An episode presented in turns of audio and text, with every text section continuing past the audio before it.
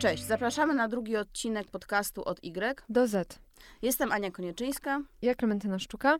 Dzisiaj rozmawiamy o byciu matką. Tak, y, tytuł roboczy odcinka Matka Polka. Bo matki Polki już nie ma, a w każdym razie tak y, uważa Klementyna. Zobaczymy, zaraz rozpracujemy tą teorię. Mój poranek dzisiaj zaczął się bardzo w stylu matko-polkowym, mimo że też uznałam, że pojęcie odeszło do lamusa co najmniej w pokoleniu mojej mamy.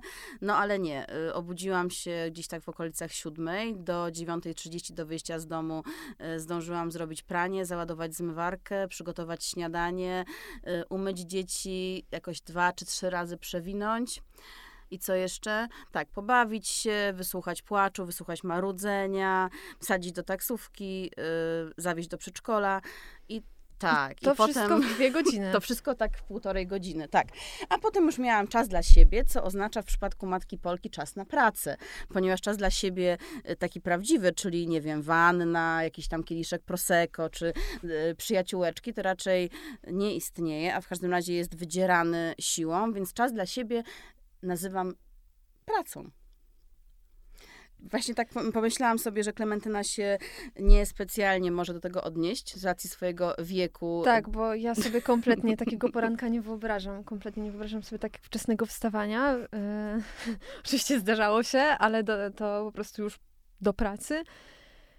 I mam nadzieję, że y, moje życie tak jak wygląda teraz, tak mniej więcej będzie wyglądało jeszcze w, przez wiele lat. No to od czego zaczęłaś dzień? Ja zaczęłam od wstania. Moja dziewczyna przygotowała śniadanie. Mm, Zjadłyśmy, przygotowałyśmy się do wyjścia i rozpoczęłyśmy pracę. I Czyli nie musiałyście się. myśleć o tym, e, no nie macie pieska, więc jakby Od jest kilku dni mamy e, pieska. e, życia tak, i z nim trochę czujemy się jak z dzieckiem. Ja się przynajmniej czuję, bo nas budził rano. Mnie też obudził, mimo że to nie jest mój pies. Moja dziewczyna z nim wychodziła.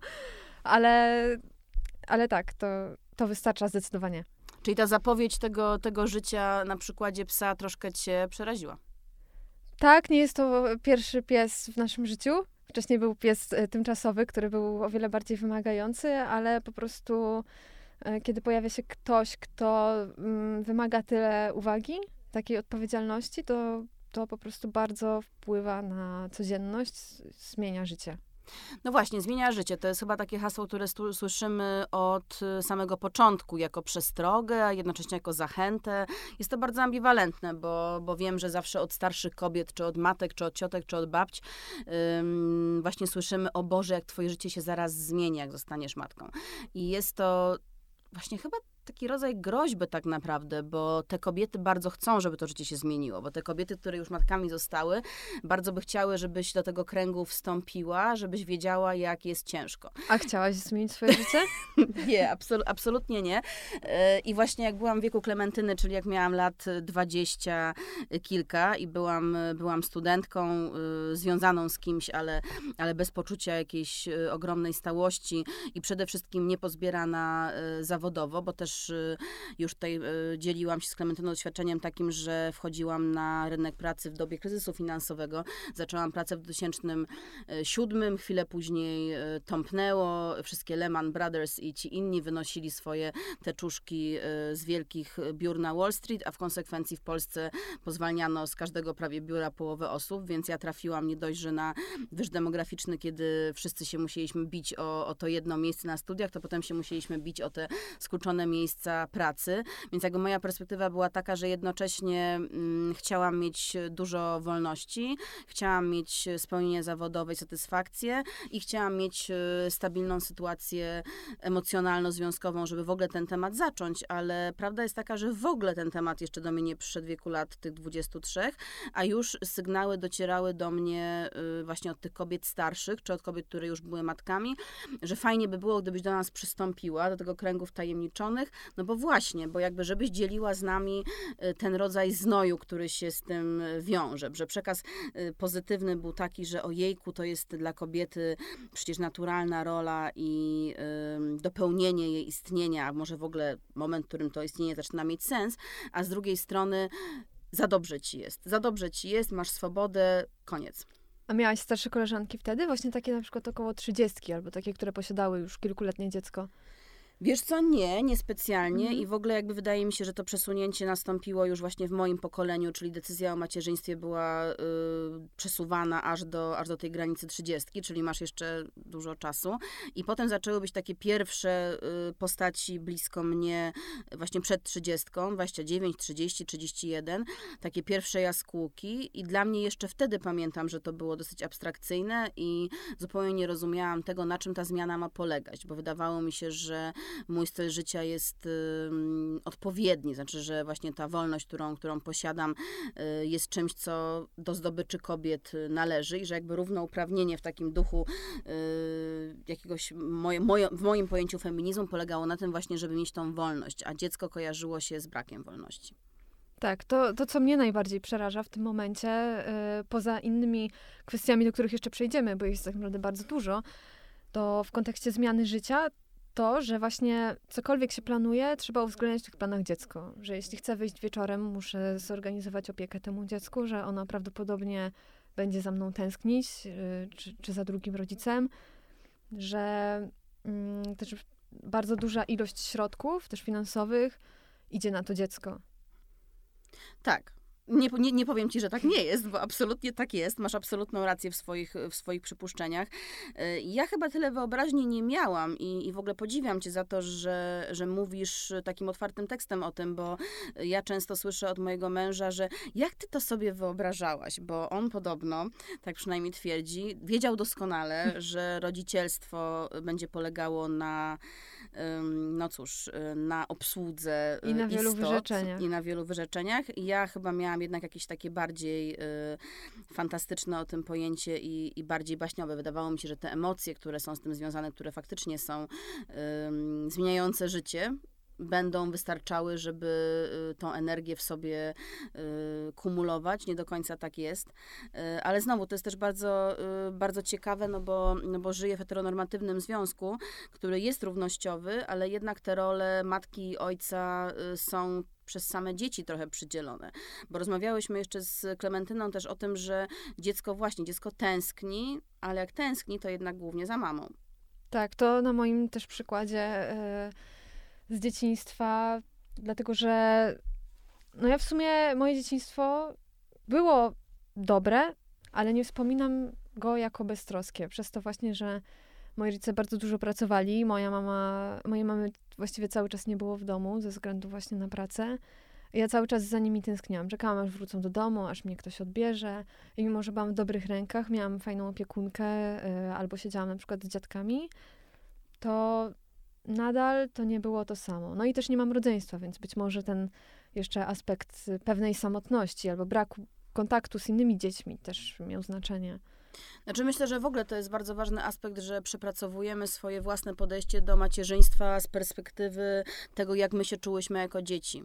I też sobie myślę, że moja mama, o ile uważam, że jest super matką i mam z nią bardzo dobry kontakt, zwłaszcza teraz w dorosłości od kilku lat yy, i przyjaźnię się z nią i za, zawsze była właściwie dobrą matką, ni, niczego mi nie brakowało, to też nie dała mi takiego przykładu, takiej matki, może właśnie matki Polki. Czyli nie była matką Polką, wybrała Zdecydowanie nie, nie była. I nie chciała Polką. być nią. No tak, mówiła ci, Szybko- tak, że tak, mówiła ci, że do potrzebuje spełnienia pracy. zawodowego. Tak? I praca jednak była u niej na pierwszym miejscu niż takie życie rodzinne, niż wychowywanie mnie. Znam mamę Klementyny i jest świetna w swojej pracy, ale wydaje mi się, że to jest, że to jest trudne dla kobiety, musieć tak powiedzieć. Gdy mężczyzna mówi, że praca jest na pierwszym miejscu, nikt się nie dziwi. Co więcej, właściwie dostaje za to owację na stojąco.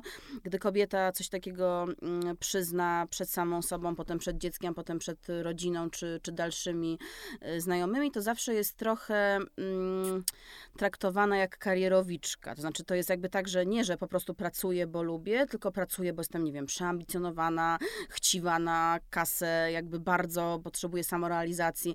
To jakby wciąż jest traktowane, y, przynajmniej w moim pokoleniu, y, pejoratywnie, właśnie dlatego, że to poczucie winy zostawiania, w cudzysłowie, zostawiania dziecka, oczywiście, że pod opieką i w dobrych rękach, ale jednak zostawiania, wiąże się z obciążeniem dla, dla matki, a dla ojca w mniejszym stopniu. I to jest coś, co mi jest osobiście bardzo trudno przepracować, dlatego że też y, bardzo lubię moją pracę y, i cieszę się, że, że mogę pracować mimo tego, że mam y, dwoje małych dzieci. No to mimo to jakby ta praca po prostu nie może być na pierwszym miejscu, bo ona emocjonalnie nie jest. Znaczy emocjonalnie, czy hormonalnie, czy fizjologicznie. Ja wciąż jestem tą, tą matką karmiącą, matką dającą ciepło, matką, która jest dziecku niezbędna. Tak, ale też wydaje mi się, że masz trochę inną sytuację, dlatego że przez to, że po pandemii koronawirusa zmienił się trochę tryb pracy, możesz pracować zdalnie, to też inaczej y, może być to odbierane i inaczej też na przykład twoje dzieci mogą to odczuwać, bo myślę, że na przykład gdyby moi rodzice pracowali zdalnie, albo gdyby moja mama chociaż częściowo zdalnie pracowała, to też bym mm, inaczej to odbierała, bo ona by po prostu była. Tak, nie, nie czułabym się taka pozostawiona mm -hmm, sama mm -hmm. sobie, czy właśnie pod, y, komuś innemu. Ale na pewno jest tak, że, że, że, że trzeba się nauczyć stawiać granice y, sobie i dziecku. I ja staram się w miarę możliwości, no młodszemu to jeszcze nie, bo jeszcze nie rozumie, ale starszemu dziecku tłumaczyć, że właśnie ja chcę pracować. To nie jest tak, że ja muszę, bo gdy mówię muszę, no to on uważa, że jakby jego jest ważniejsze, no bo mhm. ja chcę z nim być, a muszę pracować.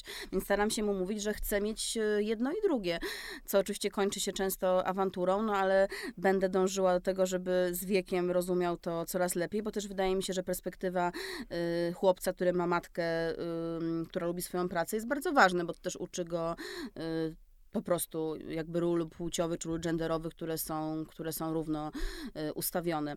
Ale też jeszcze myślę sobie o tym naszym doświadczeniu bycia dziećmi i, i, bycia dziećmi naszych rodziców, y, że chyba o wiele jest nam trudniej też podjąć decyzję o własnym rodzicielstwie i macierzyństwie z powodu tego, jak dobrze widzimy, yy, co zrobili źle.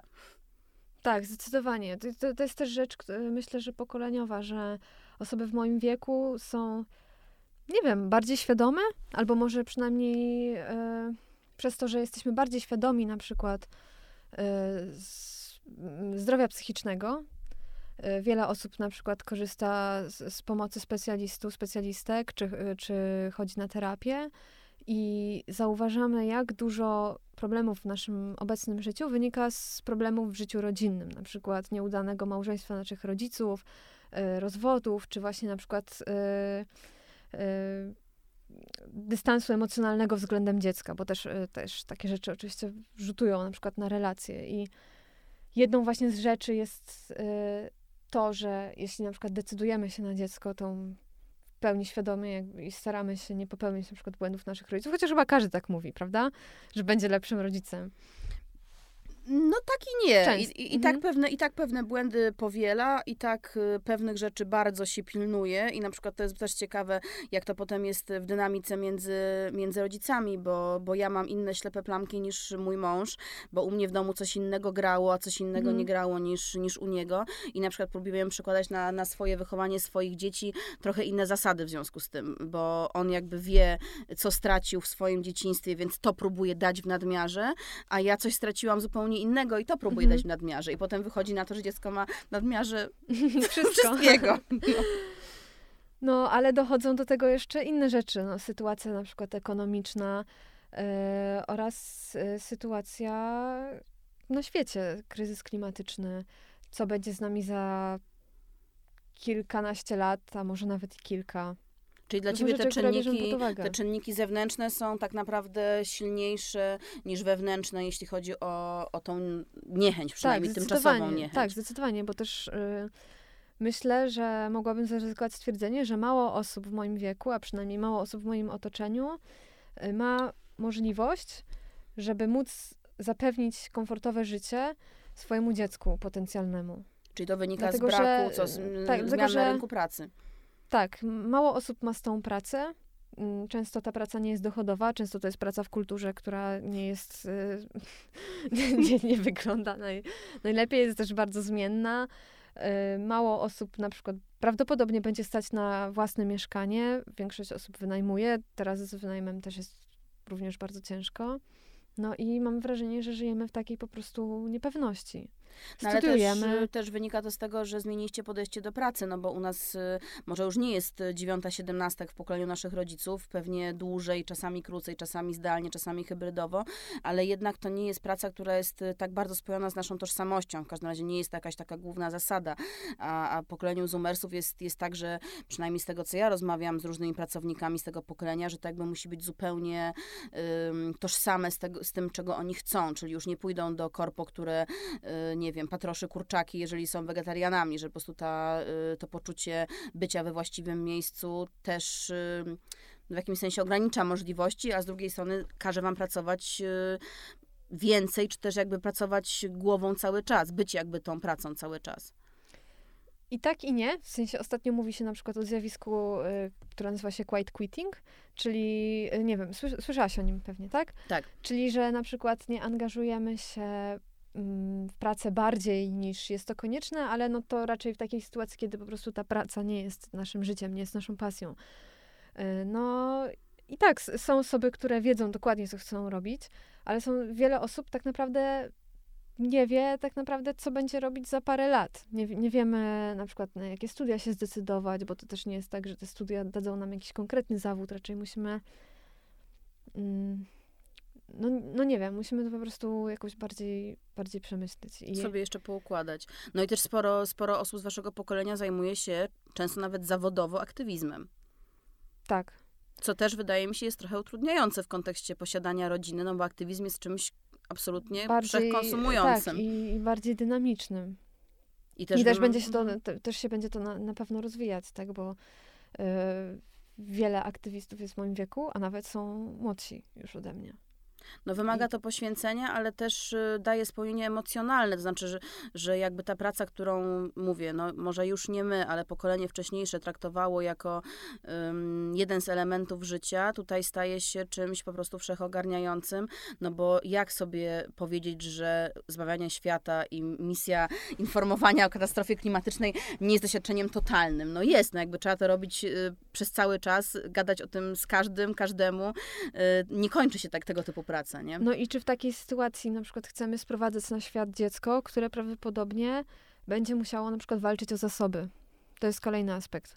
No pewnie nie tutaj w naszej części świata jeszcze, ale tak to sobie pewnie musimy wyobrazić, że, że w ogóle wychowujemy, czy, czy, czy jakby póki co ja wychowuję y, i dziewczyny z mojego pokolenia wychowują, możliwe, że ostatnie pokolenie. Mówi się pokolenie alfa, czyli ci urodzeni w ciągu ostatniego dziesięciolecia, ale ja chętnie mówię, że jest to pokolenie końca, czy też ostatnie pokolenie, czy pokolenie kryzysu klimatycznego, no bo właśnie to są osoby, które nawet jeżeli nie będą prowadziły dosłownej Mad Maxowej walki o wodę, no to będą musiały zmierzyć się z tym, że ich świat y, na ich oczach się, się rozpada. Jestem ciekawa, czy jak zachodziłaś pierwszą ciążę, to czego na przykład się bałaś? Czy miałaś jakieś takie obawy podobne? Miałam, miałam i wydaje mi się, że każda świadoma osoba pewnie je ma, tylko że myśli sobie, że jeszcze na to akurat jest sporo czasu, na ten kryzys klimatyczny, przynajmniej tak nam Mhm. się jeszcze kilka lat temu wydawało. Teraz to oczywiście jest coraz bardziej palący problem i niestety przez sytuację geopolityczną znowu zepchnięty z tego podium, podium problemów. Y, Więc jak najbardziej myślałam o tym, czy oni nie będą się musieli zmierzyć z tym, z tym upadkiem. Y, Z drugiej strony to jest też pewne wyzwanie, żeby dać im ekwipunek emocjonalny y, i jakikolwiek inny, intelektualny, y, relacyjny na to, żeby w takim świecie kryzysowym, świecie jakby ciągłego kryzysu sobie poradzić. Y, To jest ciekawe, no bo jeszcze na przykład nie wiedziałam o pandemii, no bo Mhm. byłam w ciąży w 2016 roku, czyli kilka lat przed pandemią. Nie wiedziałam o wojnie w Ukrainie, więc tak naprawdę te problemy się namnożyły w momencie, kiedy już y, matką byłam. Więc możliwe na przykład, że gdyby dzisiaj ta decyzja miała być podjęta ponownie, no to bym zupełnie inaczej wybrała. Wtedy jeszcze w jakimś takim duchu niewinności, gdzieś tam mówię, ten kryzys klimatyczny w tyle głowy, ale jeszcze nie jako taki palący problem. Ja chyba bardziej się bałam tego, co się dzieje w polskiej polityce na pewno, Mhm. bo w miarę równolegle y, toczyły, się, toczyły się batalie o aborcję, w końcu przez naszą stronę y, finalnie przegrane, przynajmniej na, na jakiś czas. Więc raczej myślałam o doświadczeniu siebie jako kobiety, o doświadczeniu mojego ciała. Y, I miałam takie poczucie, że oprócz tego, że mm, zawsze kobieta w ciąży, czy kobieta, która jest młodą matką, jest uprzedmiota- uprzedmiotawiana, czy nawet ubezwłasnowolniona, i że to jest taki moment, kiedy ta równościowa kobieta, która wywalczyła sobie wolność, nagle ją traci, bo po pierwsze ktoś dotyka jej brzucha nieproszony, bo, bo tak się wydaje, że jest inkubatorem, a nie osobą, a potem y, mówi ci, czy ma ubrać czapeczkę dziecko, czy nie, pani w tramwaju. Generalnie tracisz jakby pewną podmiotowość. No to myślałam sobie, e, że że jakby nie jestem chyba, chyba na to gotowa, właśnie żeby oddać jakoś tą swoją podmiotowość, ale gdybym myślała o tych wszystkich aspektach, to bym się chyba nigdy na to nie zdecydowała i chyba jakby musi być element y, pewnej spontaniczności w tym i Mhm. takiej, takiej wewnętrznej potrzeby, bo gdyby się myślało o wszystkich tych za i przeciw, no to nigdy, to chyba nigdy by nikt nie urodził dziecka. No chyba miałam takie poczucie, że jest taki moment w moim życiu, że, że jestem w takim związku, w jakim chciałam być y, i też, że czuję się gotowa na to, żeby żeby coś mojego zeszło na drugi plan, że chyba w ogóle to jakby, o, Mhm. to chyba w ogóle jest takie clue, nie? I to, I to chyba też swoich słów mocno wybrzmiewa, że dopóki nie jesteś w pełni sobą, czy nie czujesz, że jakby ty osiągnęłaś swoje cele, no to w ogóle chyba nie ma sensu o tym myśleć. No tak, myślę, że tak, tylko że właśnie zastanawiam się, kiedy nadejdzie taki moment, kiedy czujesz taką pełną stabilizację. No być może właśnie około 30. Zastanawiam się, jak to będzie w moim pokoleniu. Yy, No ale też, no nie wiem, są też inne kwestie, które blokują mnie, czy, czy moje koleżanki, ale też, yy, też kolegów, czy inne osoby. Yy, Jeszcze chciałam właśnie przejść do kwestii yy, dzieci z niepełnosprawnościami, bo to też przecież jest bardzo duże ryzyko. Zaczęło się o tym pewnie jeszcze więcej mówić właśnie w momencie, w którym ustawa antyaborcyjna została zaostrzona. Mm, bo- Czytałyśmy ostatnio e, artykuł Wczoraj Agnieszki nawet. Szpili w krytyce politycznej o tym, jak wygląda w Polsce życie z dzieckiem z niepełnosprawnością i każdy taki głos jest, e, jest równie wstrząsający, ponieważ znowu okazuje się, że kobieta zostaje zupełnie sama. Tak, i o ile jest to rzecz, którą gdzieś tam się ma prawdopodobnie z tyłu głowy, to na przykład dla mnie, młodej dziewczyny, młodej, nieheteronormatywnej dziewczyny, będącej w związku z dziewczyną i wiążącą się wyłącznie z dziewczynami, ten e, aspekt jest gdzieś tam jeszcze na kolejnym planie, dlatego że w pierwszej kolejności też w ogóle musimy pomyśleć, w jaki sposób potencjalnie mogłybyśmy mieć dziecko. E, Nie wiem, kto jakie prawa do tego dziecka będzie miał. No znowu Polska ci tutaj utrudnia sprawę mocno. Tak, no też. A do tego jeszcze ten szereg spraw, o których już e, porozmawiałyśmy, takich właśnie jak ten kryzys klimatyczny i tak dalej. Więc w, w tym momencie jakby szansa na to, że będę mieć kiedykolwiek dziecko, wydaje mi się bardzo mała. No, zwłaszcza, że, że dopiero się wykluwa y, model rodziny na naszych oczach, nowy model rodziny, właśnie nieheteronormatywny, patchworkowy, taki y, niekonwencjonalny i myślę, że każda osoba, która decyduje się na dziecko w takiej sytuacji, trochę ma mniej wzorców niż, y, niż ja miałam w tym moim takim, powiedzmy, zwyczajnym Mhm. modelu, więc jakby więcej jeszcze, jeszcze tego, tej samodzielności w tym, a, a w ogóle takim doświadczeniem macierzyństwa jest, jest samotność i oczywiście, że dojmująca w najwyższym stopniu, jeżeli, jeżeli dziecko jest, y, jest chore, y, albo dosłownie samo, samodzielne macierzyństwo, jeżeli, jeżeli ojca nie ma, ale w ogóle jakby na poziomie emocjonalnym doświadczenie macierzyństwa zawsze jest trochę samotne, bo oczywiście, że możesz porozmawiać sobie z przyjaciółkami, oczywiście, że dzielisz tą rolę rodzica z, z partnerem, jeżeli masz y, tyle szczęścia, możesz sobie pogadać z mamą o tym, jak to było kiedyś, ale jest coś takiego właśnie bardzo, bardzo na głębokim poziomie y, samotnego w tym, że zawsze jesteś sama wobec siebie w tym, co czujesz, bo, bo te uczucia wzbierają w tobie. I to jest chyba coś, czego ja nie wiedziałam i czego chyba nikt mi nie powiedział. I może to jest jakiś taki podskórny lęk, który, który tobie też może towarzyszyć, że właśnie to są emocje, których się wcześniej nie zna, są emocje, które są bardzo wybujałe, które się nagle w tobie pojawiają i nie ma od nich odwrotu. Być może, ale też sobie myślałam o tym, przygotowując się do odcinka, że tak naprawdę ja nie mam w głowie takiego jednego modelu rodziny. Że być może miałam go jako dziecko, bo tylko jeden model znałam, tak, rodziny takiej tradycyjnej, rodzice plus ewentualne dziecko. ale że w tym momencie, powiedzmy, takim moim domyślnym modelem osobistym są właśnie dwie kobiety. I w pierwszej kolejności po prostu wyobrażam sobie rodzinę dwuosobową, mm, a być może właśnie osoby w Twoim pokoleniu, szczególnie, zwłaszcza żyjące w heteronormie, miały jakoś tak mm, z góry wyobrażenie, że kiedyś, nawet w odległej przyszłości, będą mieć to dziecko po prostu tak taką tak po prostu. idziemy. Tak, Tak, po po, pro- prostu. tak po prostu Mhm. jest, więc ten moment kiedyś nadejdzie. A i dla mnie modeli rodziny może być wiele. Mam znajomych, którzy żyją w y, związkach y, niemonogamicznych, w związkach różnych właśnie nieheteronormatywnych.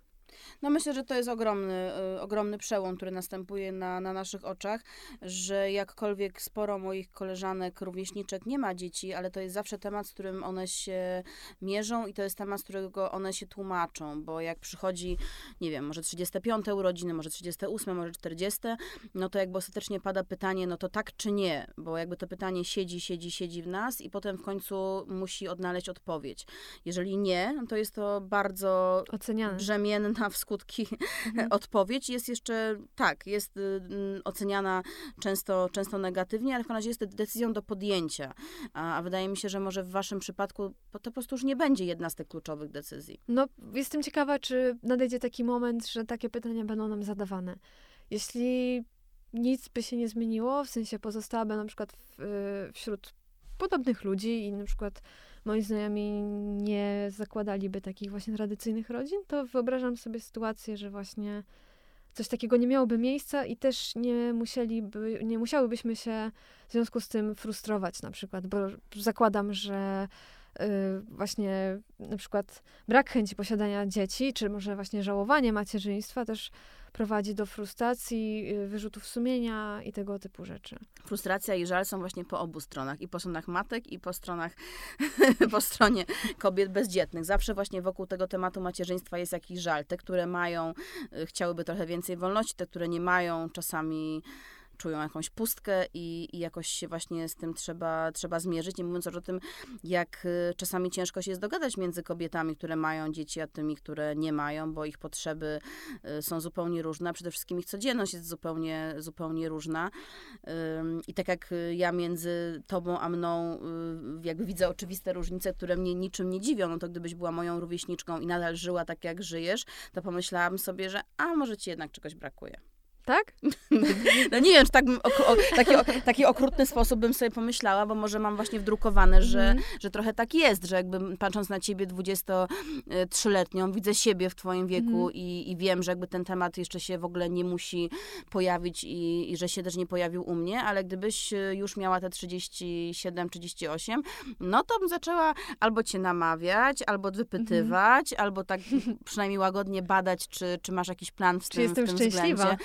Właśnie, czy jesteś szczęśliwa, bo pomyślałam sobie z mojej perspektywy, że, że jednak mimo tych wszystkich frustracji, żali i wyrzeczeń, no to jakby to jest doświadczenie, które mi dało szczęście, a w każdym razie doświadczenie, które dało mi poczucie, że jakby zaliczyłam pewną rzecz w życiu, Mhm. która jest fundamentalna, bo chyba tak właśnie myślę o, o macierzyństwie czy rodzicielstwie jako rzeczy, która, którą po prostu warto przeżyć, tak jak bardzo chciałabym, nie wiem, y, wejść na Monteverest, ale tego Mhm. nigdy nie zrobię, ale nie jest mi to do niczego potrzebne, y, tak uważam, że jakby macierzyństwo w tej puli, która jest ubogacająca i że jakby daje coś, czego wcześniej nie miałaś i daje tobie i daje dla ciebie, ale, ale może to jest coś, co jest właśnie już totalnie przeterminowane i, i stare w myśleniu. No wiesz, ja mogłabym cię zapytać, czy nie brakuje ci na przykład więcej spotkań z znajomymi i imprez bardziej spontanicznego trybu życia. Nie zakładam, że, że nie wiem, super się nudzisz, ale, Nie, nie nudzę się, To- ale, ale, ale tak, ale brakuje. ale właśnie tej, tej swobody takiej. Znaczy rozumiem, że w pewnym etapie, na pewnym etapie można, nie wiem, chcieć właśnie spokoju, może pewnej monotonii. Też y, rzecz, której ja bym się bała, wychowując z kimś dziecko, to to, że związek się zmieni. Rozumiem, że każdy związek y, ma różne etapy, ale, w tym momencie jest to w pewien sposób dla mnie przerażające. No też myślę, że to jest jakaś kwestia um, zoomersów, że wchodzą bardzo świadomie w relacje i, i, jak już w nich są, to pracują nad nimi bardzo intensywnie. Takie przynajmniej mam poczucie, a, a część milenialsów jeszcze nie robi tego na takiej zupełnej świadomce. Część milenialsów wchodzi po prostu w związki po to, żeby stworzyć rodzinę i jakby ten związek jest tylko środkiem do celu. A wydaje mi się fajne, że wymyślicie o związkach jako, no, tym sensie takim absolutnie samym w sobie. Tak, żeby po prostu być dla siebie osobami partnerskimi, żeby spędzać wspólnie czas, żeby coś nas łączyło. No, a nie, żeby dopiero na tym, Tak. coś, na tym coś budować. To jest fajne, to jest jakieś takie czyste poczucie i, i ja akurat je, je podzielam, ale y, tak, teraz zdecydowanie tego wartościowego czasu związkowego jest mniej. Myślę, że to się da jakoś odbudować y, za jakiś czas. Nie żałuję chyba niczego, jak myślisz? Nie. Nie, wiem, a jak się czułaś po, po seansie córki? E, jak się czułam? Po czym? Po seansie córki filmu. O Jezu, aha, dobra. Jak się czułam po seansie córki. E, wiesz co, no czu, czułam zrozumienie dla, dla bohaterek, które Mhm. odczuwają, odczuwają ambiwalencję w związku z tym, że, że posiadają dzieci, ale też były tam takie sceny, które mnie bardzo poruszyły, właśnie takiej tej fizycznej przynależności do dziecka. E, chyba najbardziej taką dla mnie mocną sceną było to, jak dziecko czesze matkę, jakby była Mhm. lalką i, e, i matkę to boli. No bo tak, bo dziecko traktuje matkę trochę jak lalkę. Moja córka na przykład wkłada mi paluchy do oczu, myśląc, że może tak poruszyć jak lalką w te i we w te. E, Więc jak najbardziej tak, jakby to twoje ciało, znowu to, co już mówiłam wcześniej, twoje ciało nie do końca, nie do końca jest twoje. E, Ale też sobie myślę o tym, że, mm, że właśnie twoje pokolenie jest zaimpregnowane na pewien przekaz polityczny, że w moim pokoleniu wciąż się jeszcze rozmawia o tym na przykład, czy 500 plus y, wspiera polskie rodziny, albo patrzymy na te plakaty, gdzie te dzieci, no i sobie myślimy, że jakby ten przekaz społeczny jest taki, że mamy obowiązek y, gdzieś się z tego faktu posiadania rodziny wywiązać, a chyba wy jesteście już zupełnie obojętni na coś takiego, na nie wiem, kultywowanie narodu, komórka podstawowa Tak, społeczna zupełnie. i tak dalej. Zupełnie. W sensie, wydaje mi się, że jeśli yy, chcielibyśmy mieć dzieci, to nie z powodu, żeby na przykład przekazać swoje nazwisko, przekazać swoje geny, jakoś tę rodzinę podtrzymać. Nie czujesz tego, to Nie. tylko indywidualne musiały być potrzeby. Tak, tak. Myślę, że po prostu, nie wiem, może mniejszej samotności, po prostu samego faktu opiekowania się kimś, ale też, no nie wiem, też, też stworzenia rodziny, bo to też nie jest tak, że mimo, że nasze związki są być może bardziej właśnie nastawione na jakieś takie partnerstwo i na siebie nawzajem, to nie znaczy, że na przykład nie potrzebujemy stabilizacji i bezpieczeństwa w tym związku. Ja na przykład potrzebuję i myślę, że właśnie docelowo też właśnie chciałabym stworzyć taki stały związek, ale to już o tym rozmawiałyśmy w poprzednim odcinku. No, a masz wizję, że, że chciałabyś urodzić dziecko? No bo jakby w Nie, twojej bardzo sytuacji, bym się tego bała. w twojej sytuacji nie musisz, prawda? Nie muszę i myślę, że to moja partnerka byłaby w ciąży. W moim obecnym związku jest to ustalone. Że gdyby się No zdarzyła bardzo wpadka, dobrze. to, Bardzo to nie ja. Cieszę się. To jest na przykład, widzisz, no znowu jakby u was dużo jest rzeczy powiedzianych wcześniej. To jest strasznie fajne, że dużo rzeczy się ustala i ten konsent jest nie tylko na poziomie Mhm. e, doświadczenia y, seksualnego, ale też na poziomie po prostu codzienności. Mi się to, mi się to strasznie podoba i chyba to będę częściej wprowadzała y, w, swoje, y, w swoje życie. No ale właśnie, bo, bo ciąża to jest coś takiego, co też nas zawsze mówią te starsze, bardziej doświadczone kobiety, opisują nam to jako coś przerażającego. I tak, jest to dosyć przerażające. Ja miałam obie bardzo fajne ciąże i nic mi nigdy nie było, ale porodu się bałam y, jak diabeł święconej wody, jak to mówiła moja babcia. E, I tak, okazało się, że jest to równie okropne, albo jeszcze bardziej okropne, jak mówią. A przede wszystkim okropne jest to, że w Polsce wciąż nie rodzi się po ludzku i często jest tak, że na sali e, ktoś na ciebie pokrzykuje, mówi, że jesteś głupia, że nie umiesz, że masz pchać mocniej, bo nic z tego nie będzie i że generalnie jesteś słabeuszem. No to mnie strasznie przeraża. Ale w ogóle nawet samo bycie w ciąży, to, że to jest takie pewnym sensie nieprzewidywalne, to jak będzie się, będę się czuła. Też bałabym się, myślę, zmiany mojego ciała. Mm, No, no bo też, też to jest coś, czego trochę nie możemy przewidzieć. Też trzeba pewnie się pogodzić z niektórymi zmianami. Tak, tak, znaczy zdecydowanie trzeba zaakceptować właśnie, że to już nie jest do końca twoje, no więc jest jakby poddane innym, e, innym regułom, też na pewno się człowiek inaczej czuje i inaczej e, się widzi e, w lustrze, ale właśnie potem e, jest to takie poczucie trochę alienacji, nie? Że jakby to już nie jest do końca, y, do końca twoje Mhm. wszystko, że jakby oddajesz to w imię, w imię wyższych celów. Y, Ja te wszystkie lęki rozumiem, ja te wszystkie lęki podzielam i, i chyba też tak czułam, y, ale myślę, że jeśli chodzi o tą różnicę pokoleniową, o której tutaj cały czas rozmawiamy, no to myślę, że nie można jednak y, chyba ważniejszego argumentu niż ten kryzys klimatyczny podjąć. No bo kurczę, no jeżeli wy żyjecie w tym lęku na co dzień, no to jak macie mieć dzieci, skoro ten lęk musiał być im przekazany? Jakby ten lęk jest tak głęboko w was zakorzeniony i wierzycie y, tak silnie w to, że świat po prostu nie ma zbyt dobrej przyszłości, że w ogóle jakby myśl o kul- kultywowaniu czegoś, czy myśl o przenoszeniu tego na następne pokolenie jest kurczę beznadziejna. Tak, no. to, to, to w pewnym sensie się wyklucza. Właśnie myślę, że problematyczne jest to, że żyjemy trochę w takiej niepewności, że trudno jest sobie wyobrazić, co będzie właśnie, no to już mówiłam zresztą, za kilkanaście lat, czy, czy za kilka, więc co dopiero za kilkadziesiąt, kiedy na przykład nasze dzieci byłyby dorosłe. Znaczy myślę, że to jest bardzo odpowiedzialne ze strony waszego pokolenia, że jakby myślicie o te ileś pokoleń jeszcze, jeszcze naprzód. Tak, i też nie wiem, ja mam poczucie trochę takiej no chwilowości właściwie, że mm, żyję bardzo tu i teraz i wydaje mi się, że to niekoniecznie musi wynikać z wieku i z lekkoduszności, takiej, że po prostu to jest ten czas, tylko właśnie tego, że, że wszystko się bardzo dynamicznie zmienia i też te ostatnie kryzysy, właśnie jak pandemia koronawirusa, która no, z nami została mimo wszystko, że mówi się mniej o zachorowaniach, y, czy wojna w Ukrainie, czy kryzysy na granicy, czy inne wojny, które dzieją się w y, innych miejscach na świecie, o których mniej informacji do nas dociera, to świadomość tego, że dzieją się takie rzeczy, jeszcze bardziej pogłębia ten lęk. No, Bo- A czujesz w związku z tym, że posiadanie dzieci to w ogóle jest egoizm, że to jest robienie czegoś dla siebie i dla swojego emocjonalnego spełnienia właśnie na kontrze wobec rzeczywistości, która temu nie sprzyja? Trochę tak. Znaczy nie uważam, że ten egoizm jest jakiś zupełnie zły. W sensie Okej, chodzi, wytłumacz. chodzi mi o to, że oczywiście pewnie częściowo decydujemy się, czy mówię ogólnie o społeczeństwie, na posiadanie dzieci z, właśnie z pobudek takich egoistycznych, że nie zostanę sama na starość, że ktoś się mną zajmie, że nie wiem, fajnie jest mieć kogoś, kto cię kocha. Po prostu Bezwarunkowo. tak, nie, nie być samotną w życiu. No, Ale ale no też takie jest życie, że po prostu też po, potrzebujemy osób kolejnych, żeby społeczeństwo dalej trwało. No ale No teraz nie wiem, ale sobie że nie myślicie, tym, że o tym nie myślicie.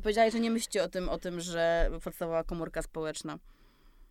No, no nie aż tak myślę, że jak kiedyś, ale no, że, że może nie, nie mielibyśmy dzieci y, właśnie dlatego, że po prostu mus, musimy jakby kultywować społeczeństwo, no ale no to też jest okno, jakby życie dalej się toczy. No, I plakaty do y, pewnego propagandowe. momentu, do pewnego momentu się toczy. Po, no, y, o tym przypominają. No, że właściwie nieposiadanie dziecka też w pewien sposób jest egoistyczne. jest? No i tak i nie, w sensie nie chcę mieć dzieci, bo wolę skupić się na sobie, bo wolę skupić się na swoim związku, bo nie chcę poświęcać mojego ciała na przykład. No a je- jestem egoistką, bo jestem matką, no bo narażam dziecko na cierpienie, którym jest życie, tak źle, którym tak jest niedobrze. świat. I tak źle, i tak niedobrze. Tak, to chyba jest, to chyba jest najlepsze podsumowanie. Myślę, że w ogóle macierzyństwo to jest właśnie doświadczenie najbardziej ambiwalentne z możliwych, a, a jakby rewersem macierzyństwa jest bezdzietność, która też jest właściwie doświadczeniem, no bo to jest wciąż rzecz, którą się mierzymy. I w sumie żadnego doświadczenia nie można podważyć, nie można z... Zwekslować. Tak. Mhm. No więc tak, my jako dzieci kryzysu klimatycznego, rodzące dzieci albo nierodzące dzieci kryzysu klimatycznego, y, dajemy sobie prawo do różnych doświadczeń. Tak, i do bycia szczęśliwym w różnych sytuacjach. Y, od Y do Z, Klementyna Sztuka Ania Konieczyńska, Matka Polka. i na pewno nie Matka Polka. No to przynajmniej tyle wyjaśniłyśmy. Bardzo Wam dziękujemy. Do następnego razu. Do, cześć, do usłyszenia.